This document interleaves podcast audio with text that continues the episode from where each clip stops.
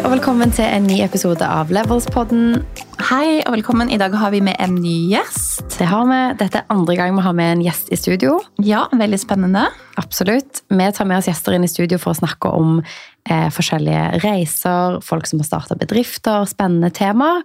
Og i dag er jeg veldig spent for å introdusere vår gjest, fordi hun har vært med på en utrolig kul reise i en spennende tid i en fysisk eventbransje under pandemi og skal fortelle om endringsledelse og det å snu resultatet rundt og det å skape lønnsom vekst eh, i sin bransje og i sin bedrift. Og også være en god leder, og litt refleksjoner Absolutt. rundt det. Hva som krever av å skape et godt team, og hvordan man skal være som person, og ja, litt de, de tingene. Um, Trine, Velkommen Hei. til oss. Takk. Du er administrerende direktør i Gyro. Kan du ikke fortelle litt hvem Trine er? Både på jobb og hjemme, men hvem er Trine? Ja, eh, Trine heter jeg da. Ja. Eh, jeg er da fra nord, som dere hører. Har et stort hjerte i Nord-Norge. Bor ja. i Oslo. Har hjertet mitt i Lofoten. Eh, jeg er da administrerende direktør i Gyro, som er eh, et av Norges største eventbyrå. Mm -hmm. Vi er noen og 40, snart 50 medarbeidere. Ja har vært i bransjen i 35 år, altså Gyro, så det er mhm. liksom et av de eldste eventbyråene. Mm. Bakgrunnen min er egentlig marketing. Ja. for Hva har du gjort før Giro? Ja. Jeg har jo utdanninger fra marketing. Mm. Fra det som var Norges markedshøgskole, mm. som har blitt BI. Ja. Og eh, starta karrieren i Research International som ikke mm. eksisterer lenger, tror jeg. Nei. Det var feedback, og så ble det Research International, og så ble det kjøpt opp mange steder. Men det var i hvert fall innsikt og research og analyse. Mm. Så det har nok prega meg veldig, at jeg kommer fra den verden, egentlig. Mm. Datadrevet. Veldig datadrevet og veldig sånn innsiktsbasert. Mm. Det å forstå før du beslutter, det ligger liksom i, i ryggmargen. Mm. Så har jeg jo hatt egentlig de fleste årene, i hva blir det for noe, 15 år innenfor ulike byråer mm. i Norge. Så noen av de største byråene i Norge. Innenfor merkevareutvikling, reklame, kommunikasjon og digital utvikling. Kult. Så det hadde jeg gjort før jeg kom til Gyro. Ja, Og hva var rollene dine da? Jeg har jo jobba som rådgiver og konsulent, strategisk rådgiver og konsulent egentlig ja. hele veien. Mm. Så eh, egentlig så har jeg tenkt at jeg har holdt meg innenfor marketingfaget, veldig sånn kommersielt retta hele veien, mm. men med ulike disipliner. Ja. Okay. Så egentlig ulike uttak. Så fra da research og innsikt, som også var liksom markedsbasert, til reklame, kommunikasjon. Mm. Etter hvert digitalt. Sites, apper, digital utvikling, tjenester, sånne mm. type ting. Sånn at når jeg kom til Gyro som eventbyrå, så var det på en måte mye av det samme, mm. men veldig forskjellig. Mm. Ja. På en måte så er det bare et annet uttak. Ja, Og hvordan havna du i Gyro? Hvordan ok, slutta du med dette og gikk inn i event? Som er annerledes kommersielt, ja, markedsføring, men på en annen nivå. Eventbransjen er jo kanskje en bransje for seg sjøl. Ja, fortell på en måte at du ble da egentlig henta inn til Gyro for altså Fortell litt om hvordan du på en måte kom inn i både jobben du har, men òg selvfølgelig på en måte bransjen. Hva var liksom bakgrunnen for Hva var målet ditt da når du skulle inn i den jobben som du har i dag? Gyro hadde jo vært gjennom noen vanskelige år. Mm. Det var jo et av, altså et av, de eldste byråene hadde vært gjennom noen vanskelige år. Mm. Hadde vært gjennom en nedbemanning for noen år tilbake, før jeg kom inn. Mm. Eh, og styret hadde lagt en ny plan og en ny strategi, eh, der eh, en av eh, de beslutningene de tok, var å hente inn en ny administrerende. Så da fant de meg, eh, og det var nok både at de så at eh, Event trengte påfyll fra en beslekta bransje, mm. som hadde en, kunne liksom komme nye perspektiver, kom fra en annen bransje. Mm. Så det at jeg hadde merkevareforståelse og digital forståelse, var viktig for dem. Mm. Det vet jeg jo. Eh, samtidig så er jeg veldig kommersiell. Jeg har alltid jobba med rådgivning og salg. Altså mm. rådgivende salg. Mm. Eh, så det, liksom, at Du spurte meg hva slags roller jeg har hatt før. Ja så har jeg alltid hatt en, en veldig sånn eh, salgsretta rolle. Mm. Jobba kommersielt, vært opptatt av resultater. Eh, levert resultater. Både hadde, hadde ansvar for eh, et større team og resultatene til et større team, men også alltid hatt resultatansvar for meg sjøl. Ja. Så det var nok også viktig for Gyro, at jeg, at jeg kunne vise til det. At jeg hadde resultater, dokumenterte resultater på salg. Og Selvfølgelig. Og så var det jo kanskje litt annerledes også. Eh, du kommer inn som ja, leder og dame. Det, er jo, det har vært menn som har vært eh, ledere der i mange år. Jeg syns det er fint å løfte fram også. Og det er jo sånn kult å tørre å utfordre, liksom, gå litt utafor boksen det man alltid har hatt. Da, og ikke kanskje vet ikke, bruke noen internt, men hente deg fra utsida. og for ja. du kom inn i en ledergruppe som var hovedsakelig menn, eller bare menn? Ja. Pluss deg? Det var bare menn over ja. 50. Ja. Eh, sånn at eh, Nå er jeg jo over 50 sjøl, jeg er 51. Eh, men eh, det de trengte jo å bli røska litt oppi. Ja. Og det er de ærlige for sjøl òg. Vi kan jo si sånn at det, det standard i, sånn, i media er liksom sånn og menn over 50 år, det er jo liksom sånn Man må ja, mikse litt i den. ja. Up. Ja. ja. Så de var jo Det må jeg jo si at eh, for dem som eh, da også var eiere av Gyro, mm. og skulle gi roret til meg, det er jo veldig modig av dem Absolutt. at de gjorde det. Absolutt. Eh, og det har de virkelig gjort. Mm. Så de har gitt meg rom og plass til å gjøre det som jeg mener var riktig. Ja. Eh, så det var, jo, det var jo også premisset for at jeg kunne takke ja til en sånn jobb. Mm. Men hvordan var, på en måte, hva var status på selve bedriften når du kom inn? Så du ble henta inn, og en av de tingene som styret ønska, var at de ønska ny administrerende for å på en måte snu ting rundt. De hadde gått gjennom um, det å på en måte si opp nedmanning, gjort på en måte en endring for å prøve å passe inn i liksom et litt nytt ny setup. da. Hvordan var resultatet når du kom inn i bedriften, og hva var liksom du hadde jobba mye med lønnsomhet, du hadde jobbet mye med det å skape lønnsom vekst i et selskap. Hvordan var bedriften når du kom inn? Mm. Resultatet? Jo, på den ene sida så Som et av de eldste eventbyråene i Norge, så var det jo veldig mye bra som var på plass. Mm. Sånn at det var jo en fantastisk eh, leveransekvalitet, en fantastisk kundemasse, fantastiske prosjekter. Det var jo veldig veldig mye bra som var på plass. Mm. Men eh, det kommersielle, eller det forretningsmessige, var ikke helt på plass. Sånn at for meg handla det om å forstå hva er det som skjer når vi leverer så bra prosjekter og har så mye bra kunder og så mye bra folk. Hvorfor er bunnlinja så dårlig? Det så slett lønnsomheten ja, på prosjektene som gjør at bunnlinja Det ga liksom ikke mening. Ja. Um, så det brukte jeg en del tid på, å forstå forretningsmodellen. For jeg kom jo da fra en annen bransje, så jeg måtte liksom forstå hva er det vi egentlig tjener penger på her. Hva er mm. våre inntektsstrømmer? Eh, hvor er potensialet vårt? Mm. Er, hvem er folka våre? Hva er det vi kan? Hvilken posisjon har vi i bransjen? Det krever ganske mye research og innsikt, da, akkurat tilbake til din aller første jobb. ja, ja, ja. Så jeg brukte nok de to første månedene egentlig bare på å prate med folk. Ja, for du, de første to månedene Du begynte i august 2019, så da er vi i oktober 2019. Mm. Vi vet jo nå hva som skjedde etter det, ja. men du kom inn, du ble henta inn, du skulle snu litt kjappere rundt, skape en endring. Og eh, de fleste eventer så planlegger man ganske langt fram i tid, så jeg kan se for meg at du satt der i høsten 2019 og hadde full eventkalender, masse spennende prosjekter for 2020. Det skulle liksom bli da man skulle inn i liksom alle disse spennende endringene og så skjer det vi nå vet skjedde, altså korona. Hvordan gikk du inn i fysiske arrangementer og skulle på en måte prøve å skape endring? Hvordan omstilte du forretningen til å kunne klare å levere noe som helst når alt var stengt? Man jobber da i en bransje som også baserer seg på at mennesker kommer sammen, og det var den eneste ting man ikke kunne ja. i to år. Det var jo forbudt å ja. drive med det vi drev med. Ja. Um, så du kan si forut for den, den pandemien, så For jeg har bare lyst til å spole litt tilbake til det jeg gjorde ja. før det, det halve året jeg var der ja. før pandemien traff. da. Så brukte jeg jo tid på å bli kjent med folk, og mm. som jeg sa, kjent med hele organisasjonen. Um, og så hadde jeg jo fått i oppdrag fra styret om å levere en ny strategi. Um, og da, når jeg hadde jobba der en liten stund, så sa jeg det skal jeg i hvert fall ikke. Jeg har vært i mange strategiprosesser, både som rådgiver sjøl, men også i selskapet jeg har vært, som har feila ganske hardt. Ja. Og det er noe som du nesten ikke kommer tilbake fra. Mm. Ja. Hvis du har lagt en strategi, lanserer den, og den feiler, så er det et, et, ganske hardt slag for en leder og for en organisasjon. Mm. Og det sa jeg høyt. Det skal jeg i hvert fall ikke.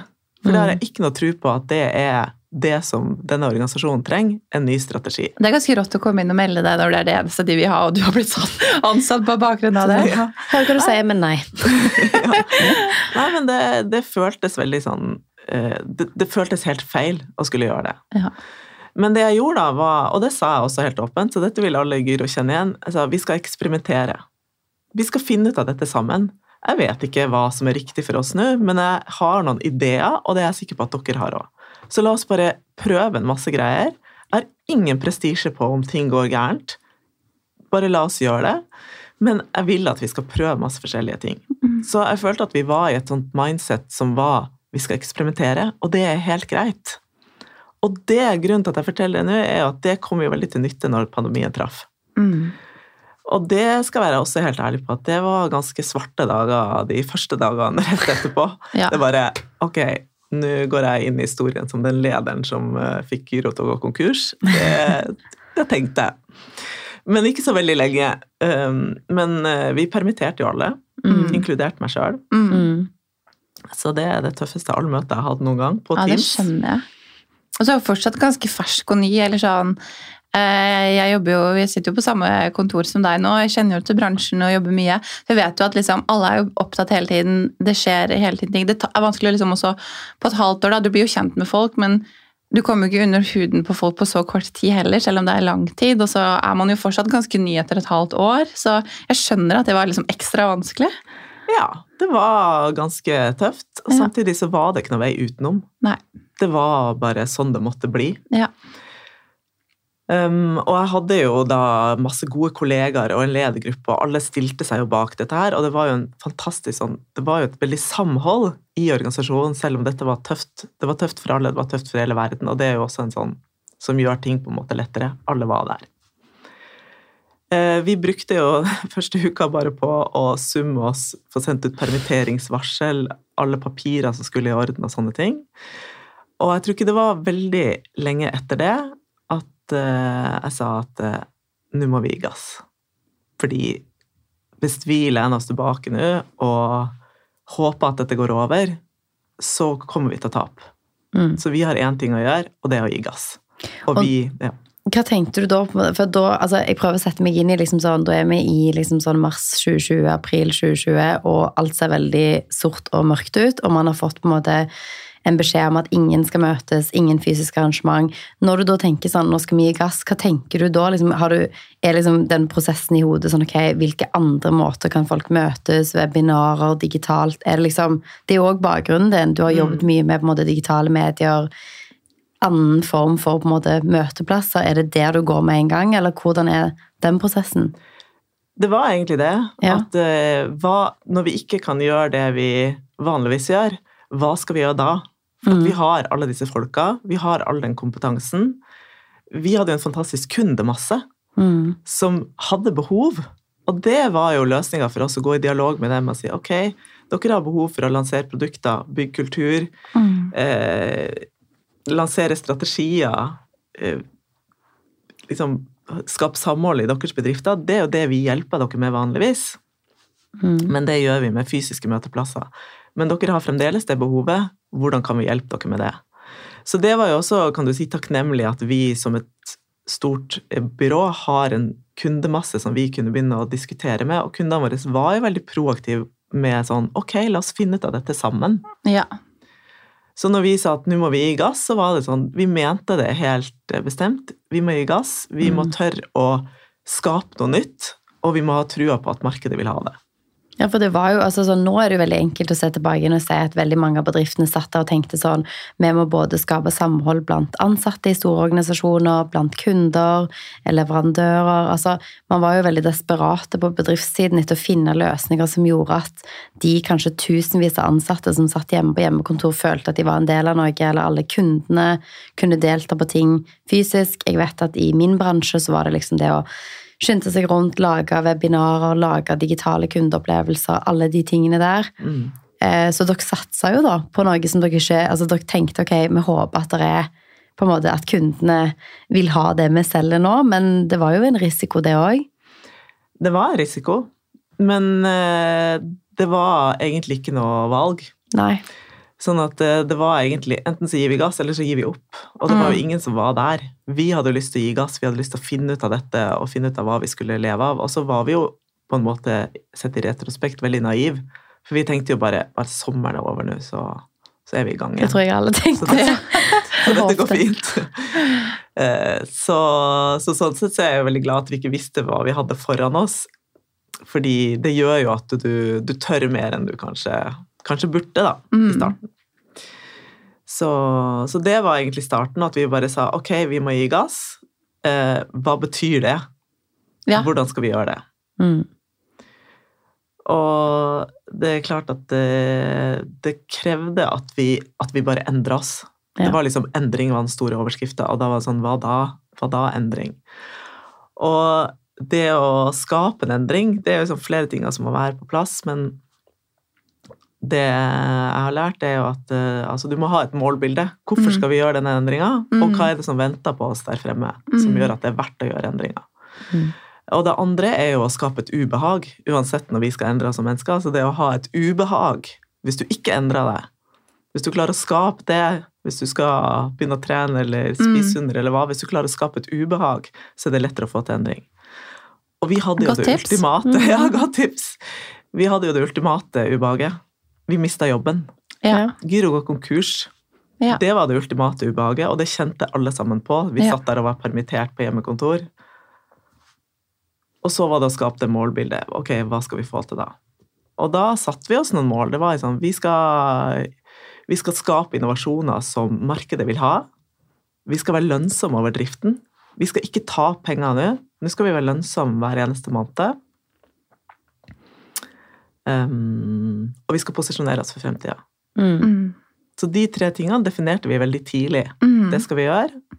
Vi snakka om det. Det er dette vi skal gjøre, folkens. Alle var med. Alle var villige til å gjøre det. Ja, for alle var med på det? Alle var med på det. Men vi eh, Det var jo ikke sånn at vi kunne hente inn alle tilbake. Nei, så alle var jo permittert. Og så alle var permittert. Men vi var jo de fleste tilbake i full jobb i slutten av 2020. Det er jo kjempe. Da er det jo enda et år med pandemi igjen, som vi kjenner det i dag. Og vi var jo fremdeles nedstengt. Men da, i løpet av de månedene, så hadde vi egentlig endra leveransen vår til fordi, å være digitale produksjoner. Ja, fordi dere var jo eventbyrå som da i hovedsak fokuserte på alt fra eventer, fysiske møteplasser, og i hovedsak så satte dere alt dette digitalt eh, og gjorde digitale produksjoner. Så gikk fra å være eventbyrå til et produksjonsselskap mer, kanskje, da, som drev med event? Eller var det noe hybrid? Hva, hva var de konkrete endringene, hvis du kan eh, fortelle litt? Ja, vi gjorde jo andre typer produksjoner. Så vi mm. prøvde jo å gjenskape det eventet digitalt. Og det var jo egentlig å lage TV-sendinger veldig mye. Ja. Eller film. Mm. Eh, vi har jo et stort filmmiljø inhouse. Det var jo utrolig verdifullt for oss eh, da. Ja. Så fra å stå på en scene og formidle noe, så formidla vi det digitalt på skjerm. Og lagde ganske fete produksjoner med en gang. Og det var vi også veldig tidlig ute med å si internt at vi skal ikke lage enkle digitale produksjoner for at det er bare så lett, og så skal vi selge det billig.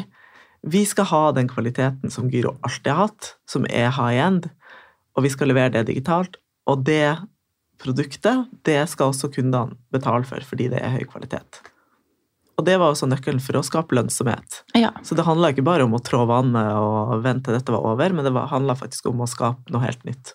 For hadde dere på en måte, Jeg kan se for meg, det kan være et dumt spørsmål, men å komme liksom fra fysisk arrangement, så kan jeg se for meg at det er veldig mye liksom rigging, produksjon, veldig mye kostnader som selskapet må ta på seg når du får en kunde inn som sier vi ønsker å skape denne type opplevelse, og så sitter man som på en måte dere i Gyr og sitter og tenker ok, ja, vi må ta så og så mye på dette, vi må ta, altså Det er veldig mange faktorer som gjør på en måte lønnsomheten lavere. da, At jeg kan se for meg at selvfølgelig så har du høy produksjonskvalitet og veldig mye dyktige folk som kan lage gode digitale reiser, men at man klarer kanskje å hente inn noe på lønnsomhetsbiten som gjerne var et, et utfordrings... Eh, eller en utfordring tidligere, da, fordi at man, man klarte liksom å levere fantastiske opplevelser, og så satt man og så på resultatet og var sånn Hva skjedde egentlig? Hvor ble alle hvor ble lønnsomheten av? At nå mm. kunne man endelig liksom levere samme kvalitet, men kanskje på en måte klare å hente seg inn litt på den andre delen, da? Altså, vi dro jo omsetninga egentlig bare inn til oss. Mm. For at vanligvis er jo vi en uh, organisasjon som kjøper veldig mye kapasitet ute. Sant. Som eventbyrå. Vi har jo ikke noe teknikk inhouse, vi har ikke noe riggere inhouse. Vi har ikke noe eh, lys, eh, lyd, mennesker inhouse. Det er jo ting som vi kjøper per prosjekt der ute. Så når dette ble stengt ned, det var jo veldig tøft for den bransjen. De hadde jo veldig lite annet å levere, så de har jo hatt det mye tøffere enn oss. Mens vi dro jo bare alt inhouse, brukte vårt filmmiljø og våre folk til å produsere de digitale eh, løsningene som vi da lagde. Kult. Så det var jo sånn sett eh, også en del av omstillinga, at vi måtte snu på vår egen forretningsmodell fra å være Mm. basert på inntektsstrømmer fra mange innkjøp, Mm. til å bare levere våre egne timer. Ja. Og det hadde vi ikke gjort før. Det må være kult for de ansatte òg, som gjerne har hatt én type jobb. Og så har du den type liksom, sånn personer med ferdigheter innenfor film, innenfor måte, digitale opplevelser, som da plutselig får egentlig en veldig annerledes jobb, da. Og får gjerne brukt annen type del av sin på en måte, bakgrunn eller kunnskap. At det er en bra måte å bygge talenter for dere i bedriften òg. At dere får virkelig liksom spille teamet deres gode, da. Det vet jeg at det har vært. Altså, Det har vært kjempegøy for folk å være med på, og de har fått utvikla seg sjøl og brukt kompetansen sin på nye måter. og Vi har bygd nye team. Vi har jo jobba mye mer kryssdisiplinært enn vi gjorde før, fordi alle leveranser har liksom gått inn i hverandre. Mm. Mye raskere leveranser fra Mm. før der det var en, en leveringstid sant, på 6-12-18 måneder fra, fra starten av prosjektet til slutten. Så skulle alt leveres på tre uker. Så det var også en helt annen måte å jobbe på, som vi måtte bare Få til, liksom. Mm. Men du kom jo inn og skal egentlig gå inn i en bedrift og endre tall fordi omsetningen var synkende. Og så møter man pandemi, og så går man gjennom en omstilling. Og hvordan gikk det, sånn, hvis vi snakker resultatbasert, da? Fra du kom inn og møtte på pandemi og Ja. endrer hele sjappa ufrivillig, holdt jeg på å si. Sånn i retrospekt også, så er jeg veldig glad for dette her. Ja. Jeg hadde jo aldri fått til så mye på så kort tid, hadde det ikke vært for pandemien. Så vi har jo endra oss enormt, som vi nå drar veldig nytte av. Så vi har, jo, vi har jo eksperimentert i stor skala og levert masse nye løsninger og virkelig snudd på hver stein. Og hatt lønnsomhet i fokus hele veien. Så i 2020, som jeg tenke meg litt om, så hadde vi et eh, lite overskudd Mm. på to millioner, så vidt jeg husker. EBITDA på to millioner. Og når du kom inn, eh, nå sa du at dere var 45 ansatte. Hvor mange var det på det tidspunktet du kom inn?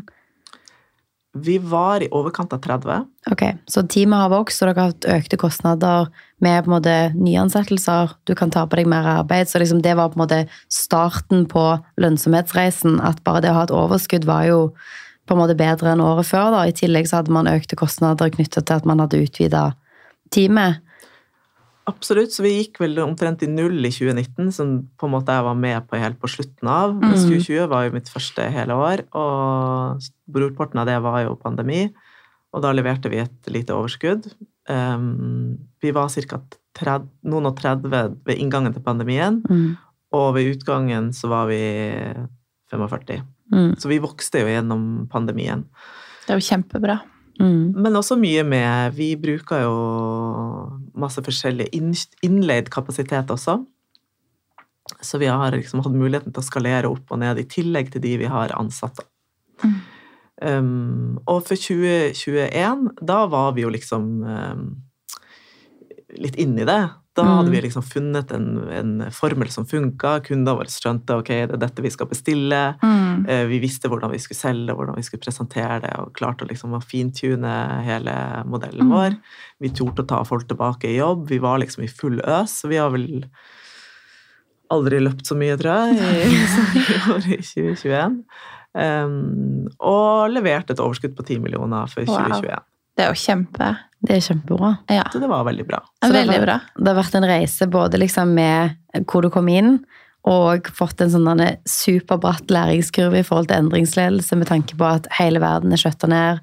Man er liksom eh, Selve forretningsmodellen er at mennesker møtes, Og så har man gått gjennom alle disse endringene som egentlig nå etterpå tenker det var faktisk ganske bra. Det ga liksom en sånn brekkstang inn til å få endra måten vi jobber på. Og så har man da klart å få lønnsom vekst to år på rad i en veldig utfordrende periode. Nå har dere liksom banen klar for vanvittig vekst i nå som pandemien på en måte er over, disse restriksjonene er liksom Den er ikke over, kanskje, men man er på en måte ferdig med de typer restriksjonene. da, At nå er liksom banen klar for fremtidig vekst. Absolutt. Og forretningen er kanskje mer rigga òg for det som blir framtiden for selskapet. da. Og nå kan man jo gjøre begge deler også, holdt jeg på å si. Gå tilbake til fysiske ting, men fortsette med det. For det har man jo kanskje opplevd at man vil jo ikke gå bort fra det man gjorde i korona, men man kan se på muligheten med å gjøre begge deler, eller ja, en kombinasjon. Absolutt. Så de innovasjonene vi har gjort gjennom korona, de består jo. Ja. Det har blitt nye forretningsområder. Så vi har jo mm. lansert to nye forretningsområder og kommer med et tredje nå som er liksom den læringa vi har gjort, og måten vi har sett markedet har respondert på det, så har vi kommet med nye ting som består, ja. og som markedet vil ha. Og så vet vi jo ikke hvordan dette utvikla seg, eh, men eh, vi skal møte de utfordringene òg. Men hvordan syns du, da? Fordi da har jo du kommet inn og hatt sikkert litt sånn personlig berg-og-dal-bane gjennom det her òg, men det må jo være veldig sånn Ok, man går litt sånn i svart, og så må det nok gi, eller gir det vel ganske sikkert mye å, å vise så gode resultater. over sånn, ok, jeg klarte jobben min i år og i fjor. Ja, hva, har du, hva har du følt på? jo, jeg har jo vært eh, Du må jo være stolt? Eller? Ja, jeg er veldig jeg er ekstremt stolt. Ja. Og når jeg, nå er så heldig at jeg kan sitte og fronte dette her, og så er vi liksom 45 stykker i ryggen som har bare jobba så vanvittig med dette her i, i to år. Mm. Og en helt eh, vill ledergruppe som har stått på, og en, uh, min NK Thea, jeg må nesten uh, nevne få lov til å nevne henne, som har vært min, min partner in crime, og ja. liksom en fasilitator for å få alle disse endringene til å skje, og head ja. of operations. Så jeg er bare ekstremt stolt og glad, og, og det håper jeg alle i Gyro er. Og så er vi på en måte dessverre en sånn bransje at vi er liksom on to the next. Mm. Vi har ikke tid til å dvele over det. Jeg visste i november, oktober-november at det ble et bra år. Og da var jo jeg ferdig med 21. Mm. Og nå ser jeg at 22 kommer til å bli et kjempeår. Nå begynner jeg å se på 23. Mm. Så man har ikke sånn veldig tid til å kose seg så veldig med Nei, det er bare å fortsette å gi full gass. Ja, det er jo litt sånn det Ja, gøy. Men uh, vi prøver å feire underveis og stoppe opp og snakke om at uh, dette var bra, folkens. Nå, nå har vi vært flinke. Hvordan er det da å være Det er jo en kreativ bransje, og dere har gjort det bra. Hvordan er det å være leder i en kreativ bransje? Det er jo veldig givende, syns jeg. Ja. Eh, fordi i en kreativ bransje så føler jeg det som består jo av folk som vil noe. Mm. Som ikke bare er der for å gå på jobb, men som har personlige ambisjoner og har lyst til å bli skikkelig god. Mm. Så det å være en del av et sånt miljø syns jeg sånn, generelt er veldig givende. Mm. Um, og jeg var på et foredrag en gang som sammenligna det med å jobbe med kryssdisiplinære team. Det var som å være dirigent for et jazz band. Ja, mye som skjer på en gang. ja, og så har du liksom, du har spesialister som kan sitt instrument veldig, veldig godt. Og hvis du dirigerer og forteller dem hva de skal gjøre, så blir det fint. Men hvis du virkelig skal skape magi, så må du egentlig bare gi noen rammer, og så la dem få lov til å holde på og improvisere og spille hverandre gode. Mm. Og liksom spille i den rekkefølgen de syns funka best. Ja. Og det resonnerte veldig bra for meg. Jeg syns det var en veldig fin sånn lignelse på hvordan det er å lede et kreativt miljø. Fordi det er folk som vil noe. Mm. Og du må bare egentlig fasilitere for at eh, de får den utviklinga de sjøl har lyst til. Og da kommer eh, resultatene egentlig mm. av seg sjøl.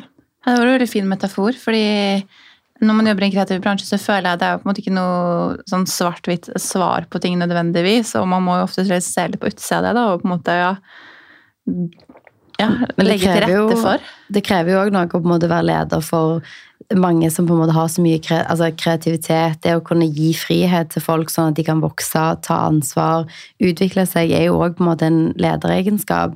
Så når du kommer inn og på en måte erstatter eh, ti menn si, som har vært styreledere eller som har vært eier av bedriften, og på en måte skal komme inn og liksom røske litt opp i hvordan ting har vært. Hvordan føler du at som en kvinnelig leder i en sånn bedrift, har du bygd talenter inn i ditt team, på en måte kanskje tatt inn flere inn i din ledergruppe, bygd kanskje kvinnelige talenter på en annen måte? Du snakket om din på en måte nestleder, eller på en måte som driver med mye av denne lønnsomhetsbiten og kanskje har vært, liksom, som du sier, din partner in crime. Hvordan har du bygd de folkene rundt deg for å være med på den reisen? Mm.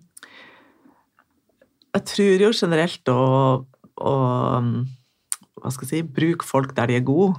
Mm det å skulle tvinge folk inn i noe som de egentlig ikke er så gode på eller er så motivert til, det, det er vanskelig generelt, men det er i hvert fall vanskelig i en kreativ bransje. Mm. Så folk sklir jo veldig inn i det de syns er gøy å holde på med, og det, det, det tror jeg veldig på.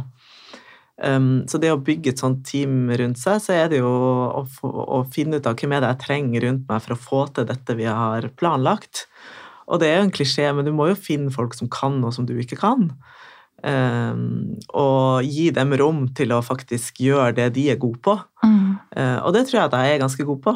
Mm. Å gi folk rom. Jeg er ikke mm. veldig detaljorientert eller detaljstyrende eller uh, følge etter folk uh, i det hele tatt. Jeg syns det er veldig sånn, behagelig å bare Her er oppgaven, her er det vi er enige om.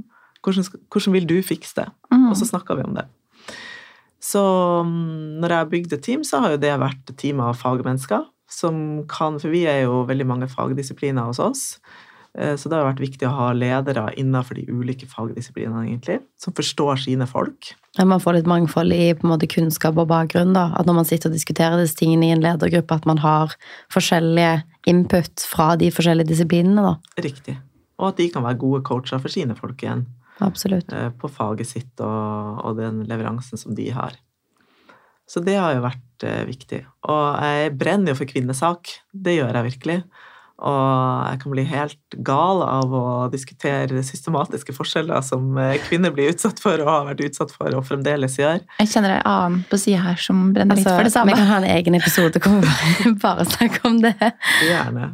Eh, så det er jo et eget tema. Og så er det jo sånn i hverdagen så så tror jeg at eh, det ligger der alltid hos meg at jeg er opptatt av det, og opptatt av det i den grad at jeg vil at det ikke skal være noe forskjell. Det skal ikke være sånn at den ene får en fordel eller ikke fordi det er en kvinne eller fordi det er en mann. Mm. Jeg vil bare at det skal være likt. Så derfor er jeg opptatt av å finne rette person til jobben. Det er liksom mm. så enkelt. Og veldig mange steder er det jo ikke sånn, så det er bare et sånt Det skulle bare mangle, men mm. det føler jeg at jeg, at jeg lever etter. Og det at eh, det er en kvinne som da tar en lederrolle, gjør jo noe med dynamikken i ledergruppa. Så hvis jeg hadde opplevd at i ledergruppa mi så var det ingen kvinner, så hadde jeg nok gjort noe aktivt for å få til det. På en måte så slapp jeg det, fordi at det var helt naturlig.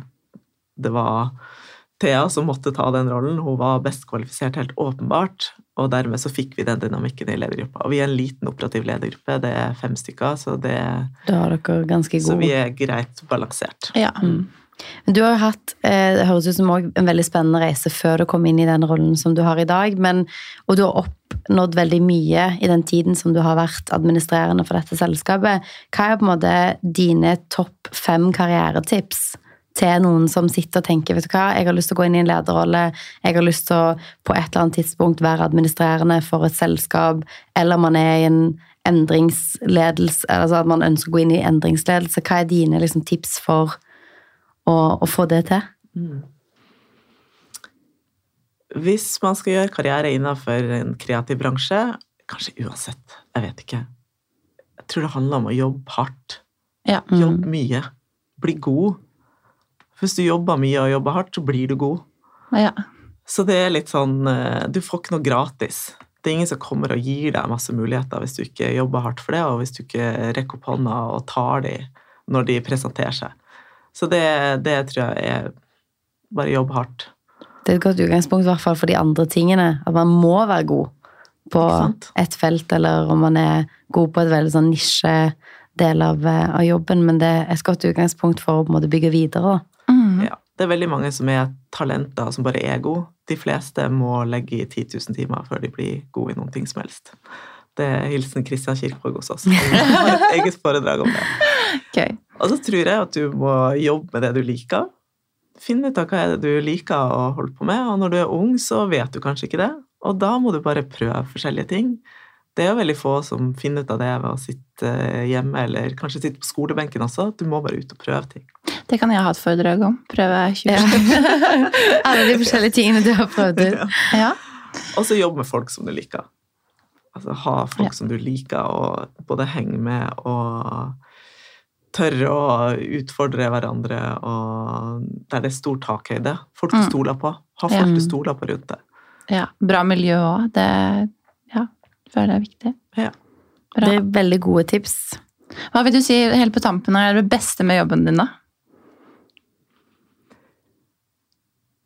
Det må være at det er folk som har lyst til å få til ting, med Ja. høye ambisjoner. Ja. Og det å være, komme inn på kontoret på Gyro, det er alltid masse liv og røre. Folk eh, skal i avvikling, eller har fått en leveranse, eller eh, noen skal ut i et kundemøte og selge noe, kanskje i en pitch. Det er liksom et sånn der pulserende miljø. Det er bare fantastisk eh, å være en del av.